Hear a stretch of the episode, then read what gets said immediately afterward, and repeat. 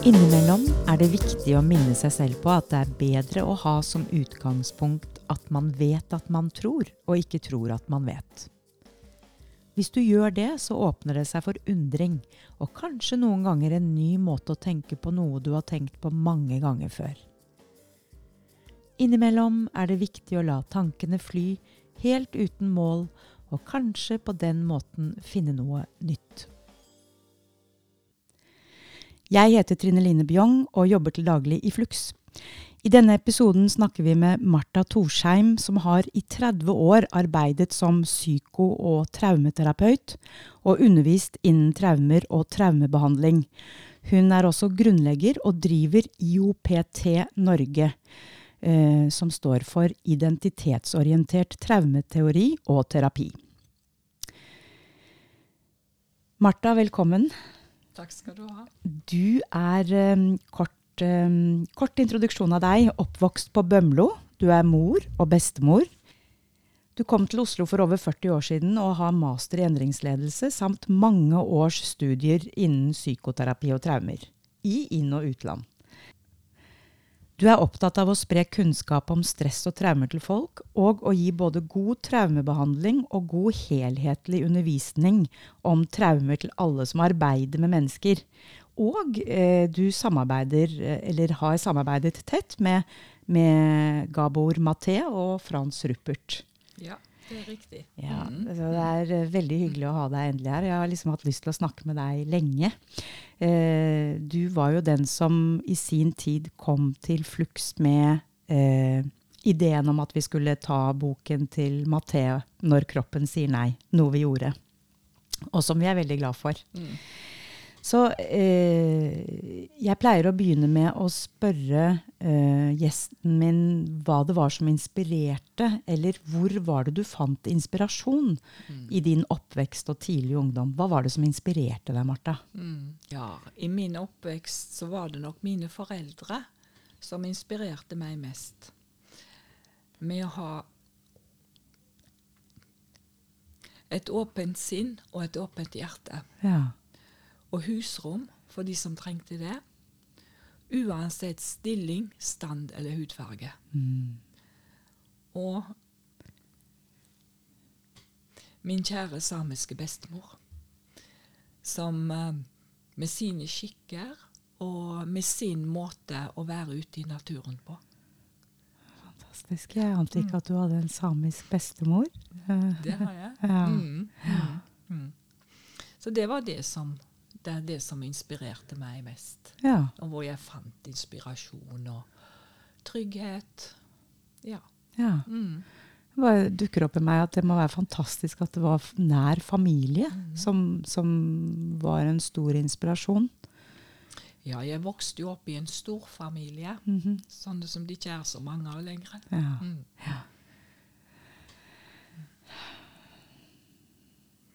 Det er, eh, det er godt å høre.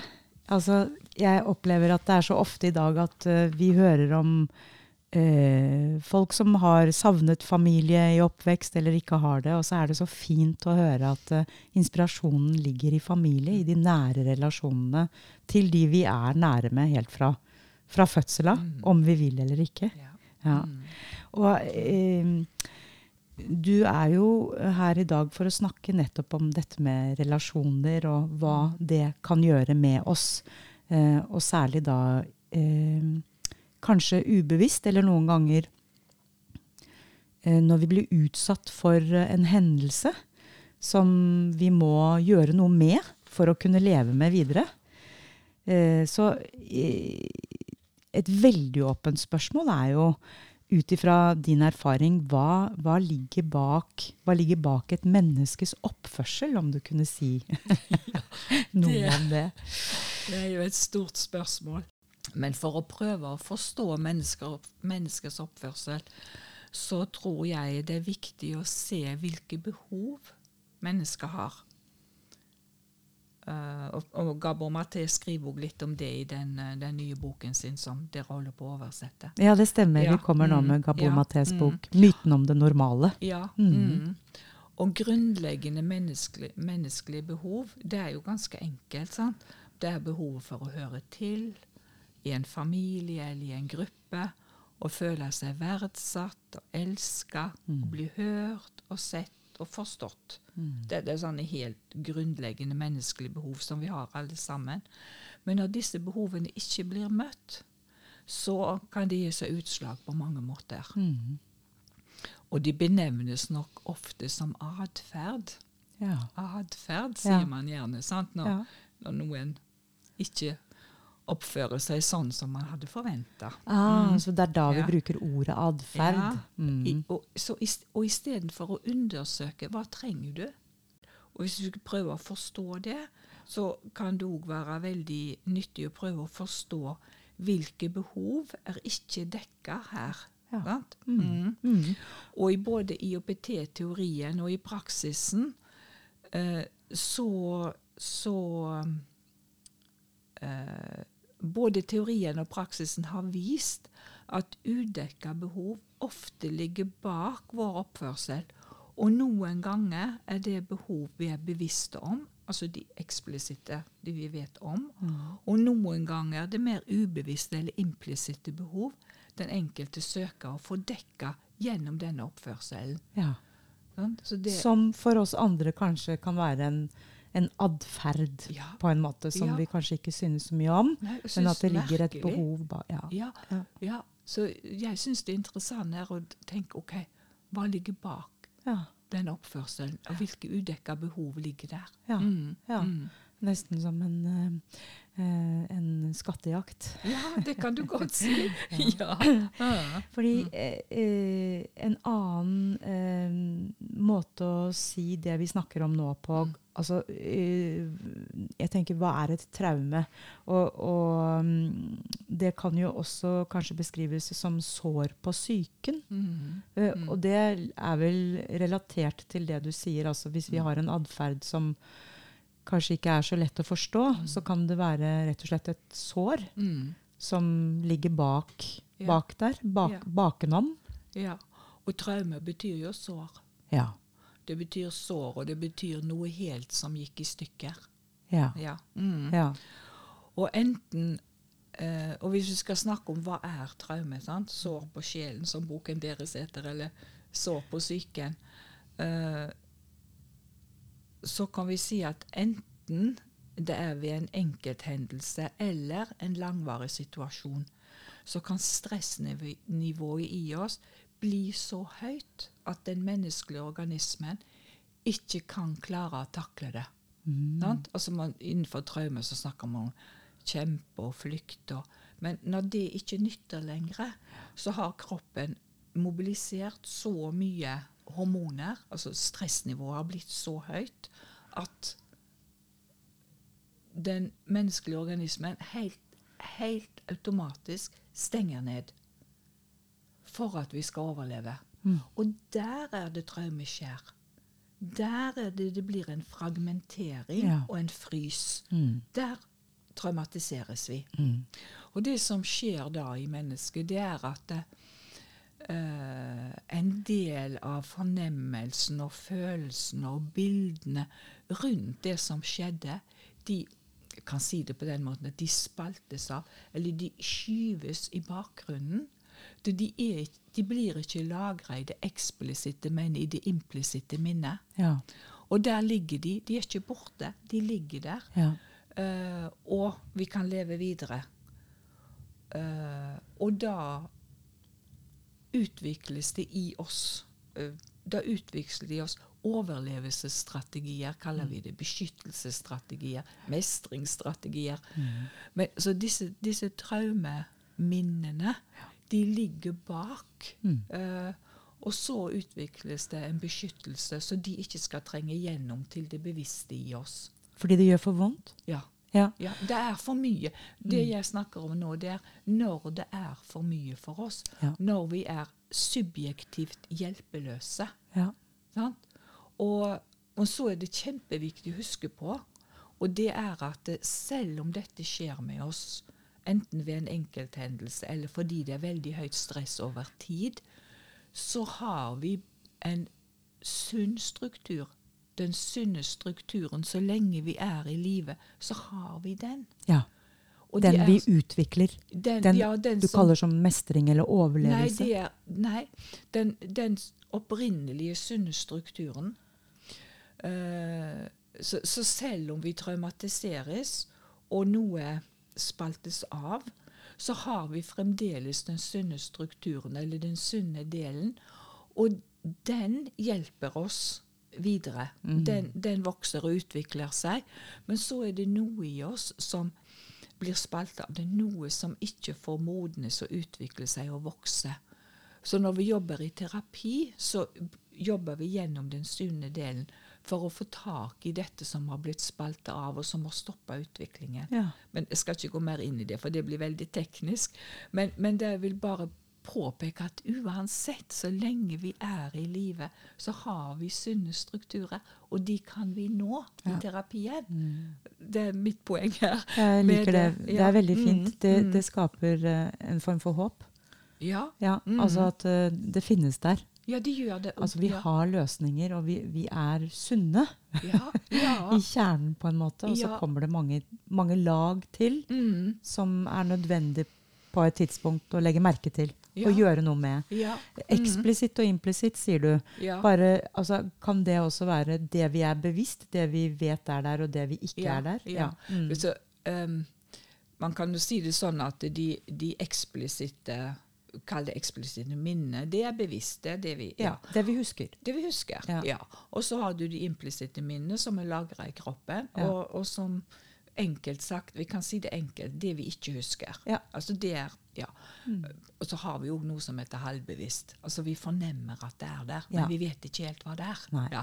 Og allikevel så har det en påvirkning på oss, ikke sant? Det er det jo det har. Ja. Så vi, det er ikke bare å si at det tenker jeg ikke på, og da er det ikke der. Nei, det er nok ikke så enkelt. Nei. Nei. Og det, det som er òg, det er at eh, når denne, denne forskyvningen eh, først har skjedd, at noe er forskjøvet til At det implisitte har oppstått et sår eller ja, et traume. et sår, Mm.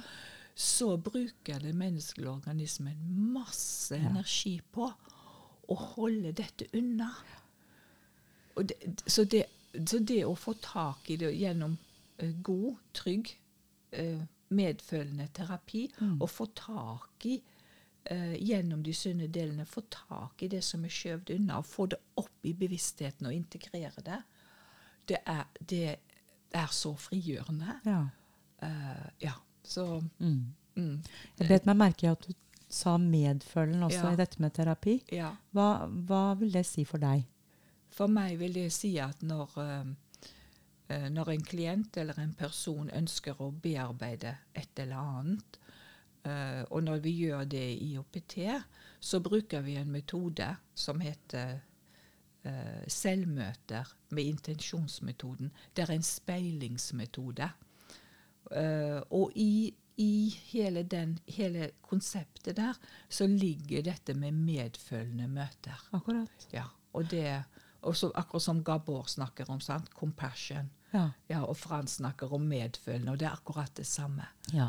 Så for å komme til um, årsaksnivå, altså der hvor traumene ligger, Mm. istedenfor å holde oss på symptomnivå, gå på årsaksnivå, uh, så trenger uh, så trenger den, den det gjelder, eller den som er klient, trenger å kjenne seg møtt. Det er trygge omgivelser og medfølelse. ja. Ja.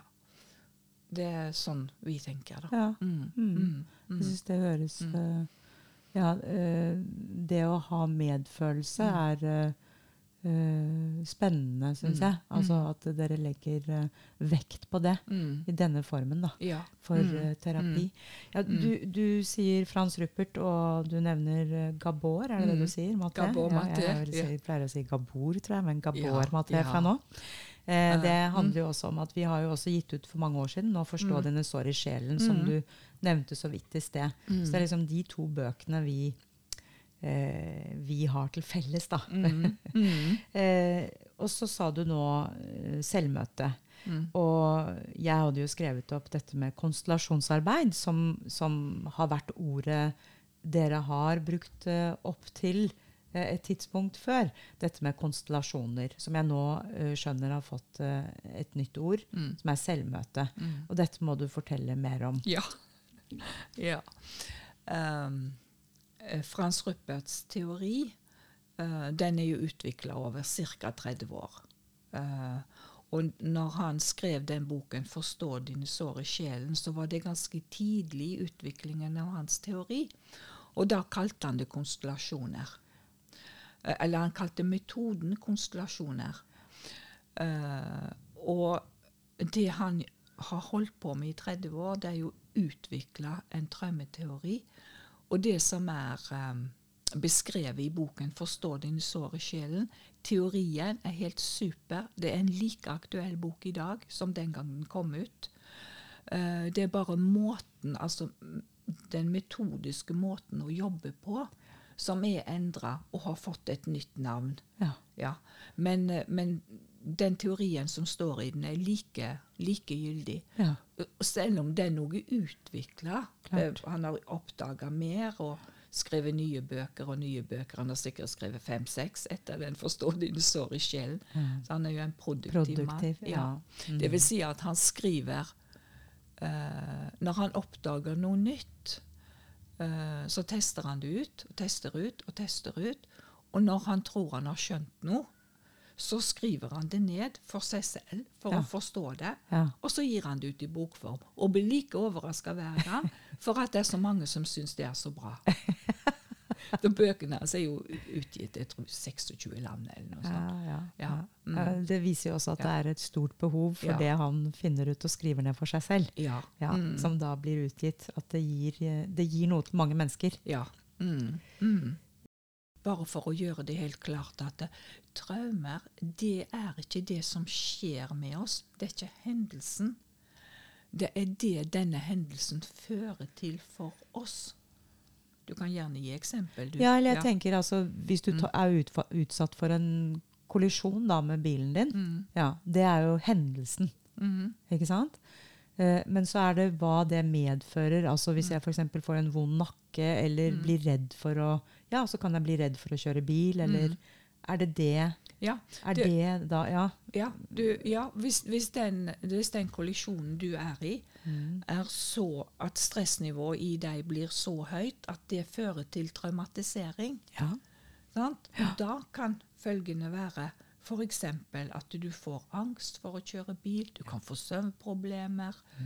eh, ja, du kan, som du sier, bli redd for å kjøre bil i hele tatt. Ja, ja, nemlig. Og da er det jo superviktig at man får bearbeida det. Ja. Ja. ja. Det er sånn så sånn årsaken. forstår jeg. Ja. Mm. Men, så, så hendelsen har jo noe å si. ja.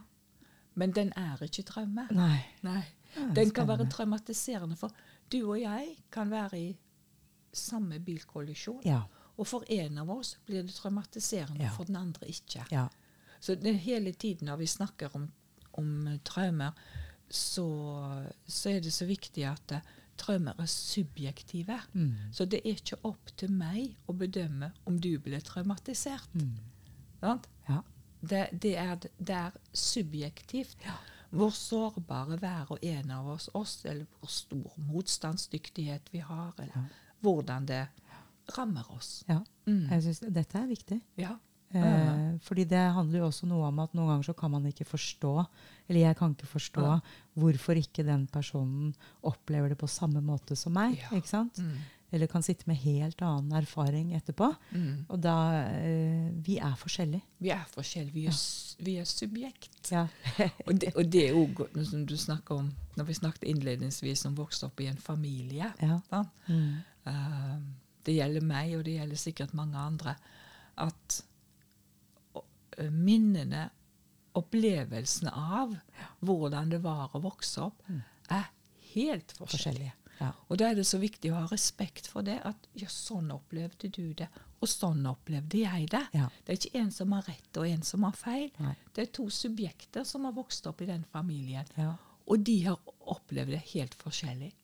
Mm. Ja. Og, og, og det er sånn det er. Det er sånn det er. Ja, ja, ja. Mm. Og det må være rom for alle disse forskjellige måtene å, å se eh, en hendelse eller oppleve en hendelse på. ja. Det er viktig.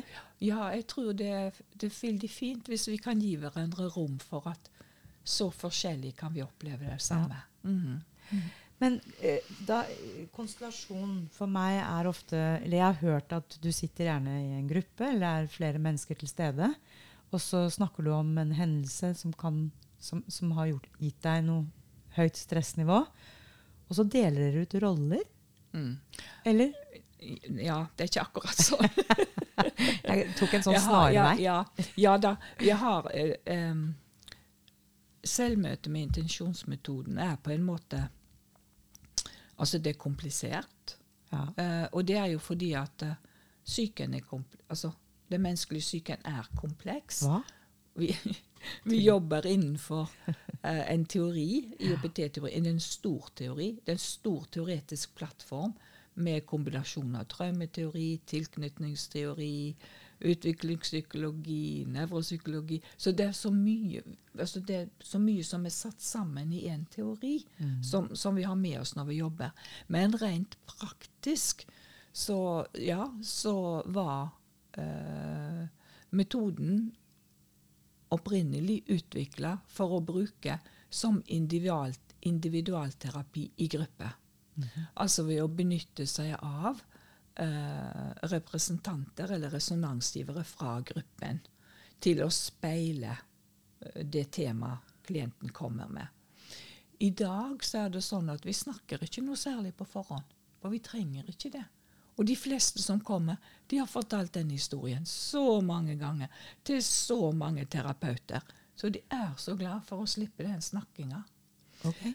Men det de kom, når de kommer, og, og har vi har forklart metode og alt sånt for dem, og de har fått sett eksempler, så, så spør vi hva er intensjonen din? Så hva, hva vil du? Hva vil du jobbe med? Hva er intensjonen din? Eh, og intensjonen i denne sammenheng, det er, det er det du vil jobbe med, målet ditt, det du vil oppnå. Og så skriver de intensjonen sin på, på whiteboard eller tavle. Og på en tavle, ja. Ja. Og så uh, velger de tre ord fra den intensjonen som de da inviterer deltakere i gruppen til å gå i resonans med, dvs. Si speile. Et ord som er nødt til å være med, det er jeg. Vi kan ikke jobbe uten et jeg. Fint. Mm. Så ja, Og derifra går prosessen. Ja. Og en av grunnene for at jeg vegrer meg for å snakke om det, det er fordi at det er så lett å komme ut på viddene. Det er mye bedre, og det er derfor jeg i 17 år, én gang i måneden i 17 år, ganske lenge, Ja. har hatt informasjonskveld hvor jeg viser hvordan vi jobber. Ja. Nå har jeg det både online og her i Oslo, på Frogner. Ja. Ja, så det er det beste. å komme, bare komme og se. Ja, det er fint. Da Mm. Ja. tenker jeg at eh, Ja. eh, det er alltid spennende å snakke om noe, men her er det viktig å kunne få en ordentlig introduksjon til det gjennom å komme på en kveld hos deg. Ja. Ja. ja. Mm. Mm, det er det. Men det med intensjon syns jeg jo er viktig. Mm. Altså fordi i no, noe i en intensjon er jo Jeg tenker også på idrettsutøvere og andre. Altså det er mange som jobber med en intensjon, Mm. som ser seg selv vinne, ikke sant? Er ved målstreken, eller har en intensjon om at alt jeg skal gjøre i dag, eh, skal være eh, knyttet opp til eh, F.eks. at jeg ønsker å se flere folk i øynene, eller eh, ikke sant, komme Mm. fra et godt altså Det kan være så veldig mye. Men det å bli klarere på intensjoner i seg selv Mm. tenker jeg er eh, et kjempefint og spennende arbeid Mm. for hver og en av oss. Mm. Vi jobber jo også mye med det i dialogsammenheng. Ja. Ja. Mm. Mm. Mm. Og intensjonen hos oss, det er bare et middel for å komme i kontakt med årsakene til at jeg ikke er der i dag. Ja. Så vi jobber hele tiden på årsaksnivå, så dypt som denne klienten er klar til å gå i dag. Og det vet Mm. klienten selv. Det reguleres av Ja. metoden. Mm. Akkurat. Ja. Mm. Akkurat. Ja. Mm. Ja, for det, det er viktig, du har sagt det to ganger, men Mm. dere jobber på årsaksnivå. ja. Og så har du da eh, det nivået som vi også kan være på. Hva var det du kalte det? Symptomnivå. Ja, symptomnivå. Ja. Ja, ja. Der jobber ikke vi. Nei. Og det er jo det mest tradisjonelle. Men uh, Og, og symptomnivå, gi et eksempel på hva som ligger på et symptomnivå. Jeg husker du sa det innledningsvis før vi begynte å ta opp, at det kan være at folk går og snakker sammen om en felles, eh, noe de felles har opplevd. Mm. Samtalegruppe, f.eks. Det kan være nyttig, men det går ikke så dypt som årsaksnivået gjør, da. Ja. Ja. Mm. Mm. Ja. Mm. Ja, Mm. så alt dette må nok erfares, Ja. tenker jeg. Mm. Ja. Eh, tap. Mm. Eh, vi har snakket nå om uh, Ruperts bok 'Forstå dine sår i sjelen', og han skriver mye om, om, om tap. Mm. Eh, sår og tap er jo familie. Mm. Så uh, kan du uh, Det hadde vært fint å høre Det finnes jo mange former for tap. Mm. Ja. Jeg gjør det. Ja. Mm. Eh, Noen forskjellige kunne være Mm. ålreit å, å høre. Hva opplever han som tap? Ja. Det er sånn tap av arbeid, tap av eh, hus, tap av venner, tap Mange forskjellige tap. Eh, og noen tap berører oss jo mer enn andre. Eh, tap av nære familiemedlemmer, tap av f.eks. For, for barn, tap av en forelder når foreldrene skiller seg. Eh, selv om foreldrene prøver at begge barna skal ha kontakt, så er det veldig mange barn som opplever dette som et tap. Ja. Ja. Eh, og nå, lørdag 4. mars, så skal jo Gabor Maté og prins Harry ha en sånn uh, online session hvor, de skal, hvor Gabor Maté skal snakke med prins Harry om hans tap. Blant Han mista moren sin, han har flytta fra landet sitt. Nå tar de fra han huset hans. Det er mange tap her. Ja, ja. Noen tap, f.eks. ved å miste en nær familiemedlem eller ektefelle eller barn, uh, kan jo rett og slett være traumatiserende. Ved, ved brå død, hvor uh, man ikke får forberedt seg, ikke får tatt adjø, uh, så kan det være så belastende at det fører til en traumatisering. Jeg opplevde det for et års tid siden, da min sønn døde helt brått, helt uventa i utlandet. Eh, og det, det var rett og slett et sjokk. Og, og jeg har uh, Fra de første månedene etter det, så har jeg eh, eh, Så mangler jeg en del minner. Ja. Og det viser meg at det var traumatiserende. Og det er jo helt forståelig. Sant? Ja, Absolutt. ja da. Men, men, men, og jeg tenker at jeg vet faktisk ikke hvordan jeg hadde klart meg uten god traumeterapi i dette året. Det har vært gull for meg Ja. å ha å holde i. Ja. Mm. Ja. Mm. Så det å miste noen nære, det, det kan være et veldig stort, et veldig dypt tap, Mm. som kan ha store konsekvenser ved at det kan òg være traumatiserende. Mm. Mm. Ja. Men det å tape arbeid kan òg være veldig belastende. Mm. Det kan òg være traumatiserende for noen. Mm. eh, Hvis arbeid betyr veldig mye. Sant? Kanskje det er en del av identiteten, og så, pff, så mister du arbeid. Ja. Ja. Mm. Altså det jeg hører er, For det første, takk for at du deler av egen historie. Mm. Eh, og at tap er også veldig individuelt. Og at det handler ikke bare om at du mister, du mister noen.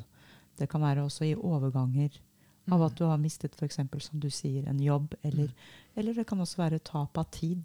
Mm. Ikke sant? Altså minner. Eh, Mm. opplevelser som gjør at det, det forsvinner. Mm. Mm. Mm. Og noen ganger er det viktig da å gå på jakt etter hva, hva skjedde der. Ja. Mm. Mm. Mm. Mm. Absolutt. Ja. Mm. Mm. Mm. Myten om det normale som nå kommer på norsk, Mm. av Gabor Maté.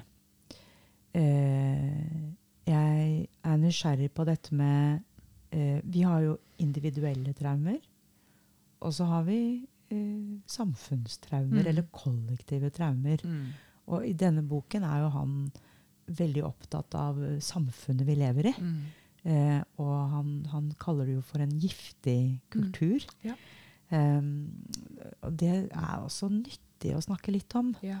Mm. eh, dette med kollektive traumer, eller Mm. hva er det som faktisk foregår? Og hvor Mm. mye får vi med oss? Mm. Og er det sunt? Mm. Ja, kan du si.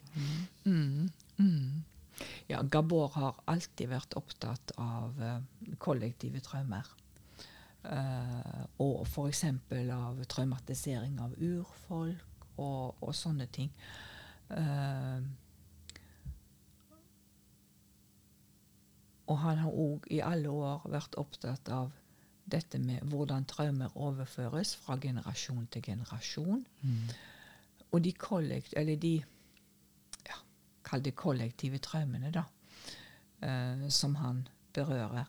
Det er jo en konsekvens av at vi lever i et traumatisert samfunn. Og et traumatiserende samfunn som ikke tar hensyn til disse subjektive behovene vi snakker om. Og, og jeg syns at Gabor skriver aldeles utmerket. Og han skriver om hvordan helsetilbudet er. Han skriver om hvilken hjelp som tilbys folk med psykiske problemer. Han er opptatt av eh, manglende hjelp til uh, innen rus og psykiatri. sant? Mm. Så han, han peker på store områder som egentlig berører oss alle. Ja. Men eh, ja eh, Så eh, kollektiv traume, som du sier, det kan handle om et folk, et urfolk, eller eh, et land. Mm. Ja. Eh, og, og noe vi lever i uten at vi egentlig er klar over det, eller? Mm. Mm. Ja. At vi presses, sant. Altså for eksempel i, i vår tid så er det jo sånn at uh, eh, de foreldrene som ikke vil sende barna sine i barnehagen, Ja. blir jo sett rart på. ja. For du skal bidra i samfunnet. Ja. Mm. Så det er liksom en høyere verdi enn å ta vare på egne barn.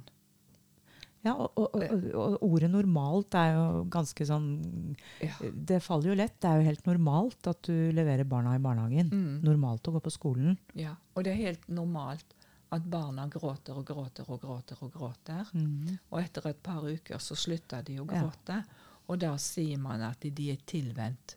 Ja. Nei, de er nummen. De har gitt opp. Mm. Og det er sånne områder som Gabor er veldig opptatt av. ja. Mm. Mm. Så det er faktisk å gå eh, ganske grundig til verks og se Mm. på alt dette vi har skapt som vi mener er riktig, da. Mm. Mm. Og som alle skal følge. Mm. Mm. Jeg husker vi, en, vi har en bok som heter 'I kampens sete' av eh, Arnold Mindell. Ja. Mm. Em, og han skriver om dette med at vi har blitt veldig flinke på statistikk. Sånn at vi teller alle sauene når de eh, skal inn fra, fra jordet på ettermiddagen. Men vi ser liksom ikke hver og en Mm.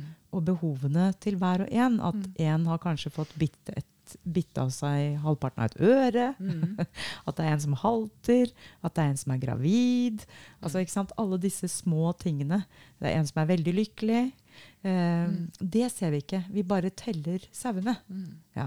Og får ut en del informasjon av det, men vi tar altså ikke tid til å se at hvert individ har sine behov, da. Mm. Eller Mm. sine liv. Mm. Og det, det, det kom opp hos meg når du sier dette med at det er så viktig eh, å gå grundig til verks Mm. Med hva som, hva som er bra. Og I den forbindelse så tenker jeg på den, eh, den forekomststudien som NKVTS eh, kom med for noen dager siden, eh, og som viser at det er en stor økning i overgrep og vold mot kvinner i Norge. Nå er ikke jeg så sikker på at det er en faktisk økning, men jeg tror det har blitt mer åpenhet for å snakke om det. Og derfor så blir tallene høyere. Men uansett så er det veldig alvorlig. Og, og, og mitt inntrykk er at samfunnet sånn generelt sett så er man mest opptatt av å uh, telle, som ja, og telle og, og få frem tallene og, lage rapporter og, følge med. Konsekvensen av det disse kvinnene har opplevd, det er det altfor lite fokus på. Mine min erfaring. Eh, og fra terapirommet så gjelder det både for meg og mine kollegaer at vi ser og opplever at seksuelle overgrep er mye mer utbredt i samfunnet enn det som er som vi liker å tro er normalt. Mm. Mm. Så, det, ja. så, vi holder oss til en myte om at det er sjeldent. Det er ikke sjeldent. Mm. Uh, og det som vi òg opplever, det er at uh,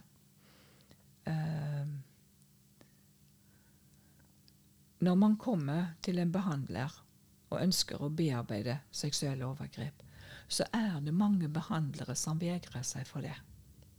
Og det er òg sånn Oi, jeg er til og med for vanskelig for han, jeg.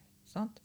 Ja, At du som har opplevd det, da opplever at du blir for vanskelig for en terapeut, til og med. Ja, ja. Så, så, jeg tror at det er kjempeviktig at vi har gode terapeuter som er gode på å jobbe med de som har opplevd vold og seksuelle overgrep. Uh, og der um, der, den metoden som vi, eller sånn som vi jobber med IOPT, med speiling eller selvmøte, så har vi kjempegode tilbakemeldinger på å jobbe med voksne som har opplevd seksuelle overgrep som barn. Mm. Så, og det er så nyttig jobbing. Mm. Og det er Seksuelle overgrep er jo rett og slett et folkehelseproblem. Mm. Det, koster det, koster først enorme lidelser for den det gjelder.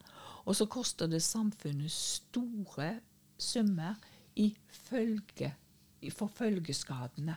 Sant? Med mm. sykemelding og depresjon og manglende søvn og ja. Mm. Og jeg tenker at når denne rapporten da, fra NKVTS eh, viser en økning i overgrep, så er kanskje tiden inne for å tenke nytt. Mm. Og at IOPT kan være et godt tilbud for å avlaste det offentlige helseapparatet. Og det gjelder òg når det gjelder holdningsendringer, som det har vært så mye snakk om i, i media i det siste med forsvar og Ja, man må ha holdningsendringskampanjer. Og da kom jeg til å tenke på en mannlig klient eh, hos oss som sa, etter at han hadde bearbeida egne traumer og deltatt på flere kurs og på, de, og på, de, kursene hos oss så møtte han andre som hadde opplevd overgrep, og fortalte. Og da fortalte han at endelig forsto han og kunne ta inn over seg at det han selv hadde trodd var bare litt press mot ekskjæresten, det kunne for henne være et overgrep. Mm. Og han opplever han opplevde Og da òg, når vi kom inn på dette, så skjønte han at å ja, og jeg har retraumatisert meg selv òg ved å presse henne. Fordi at jeg har følt mer og mer skam. Jeg har trukket meg mer og mer tilbake og blitt mer og mer ensom. Så, så han så at det hadde følge for både offer og overgriper. Mm. Ja. Mm. Uh, og Gabor Maté skriver jo i den, i den nye boken uh, 'Myten om det normale'. Og, og, det samme gjør Frans Ruppert i sin bok. som De to har jo to parallelle bøker. Mm. Og Frans Ruppert sin bok heter 'Hvem er jeg i et traumatisert og traumatiserende samfunn'. Mm. Og der skriver begge to skriver, og ja, skulle ikke være noe tvil, men jeg sier det likevel, at traume er et folkehelseproblem mm. som koster store lidelser mm. og store økonomiske ressurser. Mm. Ja. Og iallfall i det der holdningsarbeidet som det er snakk om i media nå, mm. så hadde vært så Det er ikke så vanskelig, etter min mening. Så kunne det innebært at alle disse rekruttene, alle disse som er der i militæret, de kunne få tilbud om å bearbeide egne sår og holdninger. Ja? Fordi at det var som en av disse rekruttene sa, og barnebarnet mitt òg sa, han var i militæret, at de nytter ikke det der, der. De bare står der med dialogen sin. Det endrer ikke holdninger, det, at de hører, man hører et foredrag. Hun må inn i og se hva er det i meg som gjør at jeg har disse holdningene Og om jeg vil endre de, så må jeg få mulighet for det. Mm. Jeg har sittet og hørt på deg nå, så Ja. tenker jeg at eh, et eller annet som Altså, et traume forsvinner ikke. Mm. Nei. Altså, og det, eh, opplevelsene våre vil være med oss Ja. eh, hele Mm. livet. Ja. Så det handler mer om å ta det med oss Mm. på en måte som vi blir eh, Vi kan leve med og være klar over og ha jobbet med Mm. på en måte slik at det får en del i livet mitt. Mm. Det forsvinner ikke. Nei. Og det, det du sa nå, det, var veldig godt sagt, forresten. det det å, å ha det med oss og ta det med, og det å ha det med i livet og integrere det. Ja. Og det gir jo styrke. Ja. Når jeg integrerer det jeg har opplevd, så blir jeg jo større. Ja. Hvis jeg prøver å skjule noe, så krymper jeg meg sammen og blir mindre. Ja. Ja. Ja. Ja. Så det er så viktig. Og når vi får bearbeida, så kan vi integrere. Og da kan vi ja, det gir rom rett og slett for å integrere. Ja, sant. Ja. Mm. Vi kunne ha eh, fortsatt å snakke om dette i time etter time. Eh, jeg tror vi i så fall skal invitere deg igjen. Jeg pleier å også ha et spørsmål på slutten som okay. handler Mm. om eh, at det er jo millioner av mennesker der ute som til enhver tid, unge og gamle, som står til tjeneste med godhet, tenker jeg. Og det er viktig at vi minner oss selv på. Å huske en slik godhet, og, og la den ha betydning. Og også la den få definere vårt syn på virkeligheten like mye som overskrifter om, om vold og krig. Og? Så er det viktig at vi tar med oss alle disse gode hjelperne, på en måte. Eh, og ett ord for slike mennesker kan være hverdagshelt. En hverdagshelt. Så jeg pleier å spørre eh, Hva Hvem hadde du valgt som en hverdagshelt i dag, og hvorfor? Mm. Ja, jeg er tilbake der jeg starta, jeg, med den nærmeste familien. Uh, og for meg så er det sånn helt i det daglige så er det barnebarna. Jeg blir så inspirert av disse unge menneskene, og jeg lærer så mye av dem. Uh, og datteren min eh, hun er en oppegående ung dame. Ikke alltid helt enig med sin mor, og det er kjempefint. ja. Men uh, Og så har jeg jo en annen gruppe mennesker som jeg uh, Ja. og det er studentene.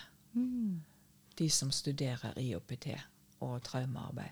Og virkelig De aller fleste av de jobber innenfor Enten de er psykoterapeuter, eller de jobber iallfall innenfor psykisk helse.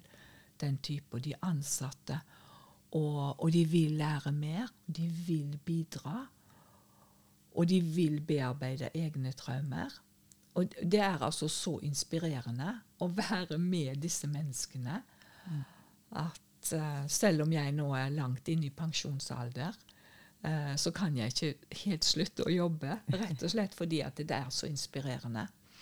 Eh, og mitt hovedanliggende nå det er jo eh, å støtte disse studentene til godt terapeutisk arbeid og veilede de. Uh, og ja, Så der, der er min motivasjon. De er mine hverdagshelter. Kjempefint. Sammen med barnebarna og datteren min. ja. Tusen takk, Mm, Marta mm, Torsheim, mm, for at du kom til oss, og at vi hadde denne samtalen. Takk i like måte. Takk for invitasjonen. Mm.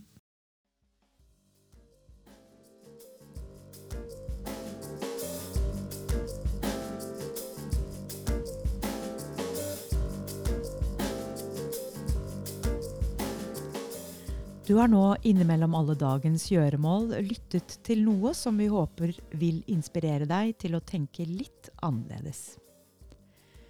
Musikken du hører er laget av Olve Flakne spesielt til oss, og i redaksjonen har du funnet ved siden av meg Frida Elvira Pettersen.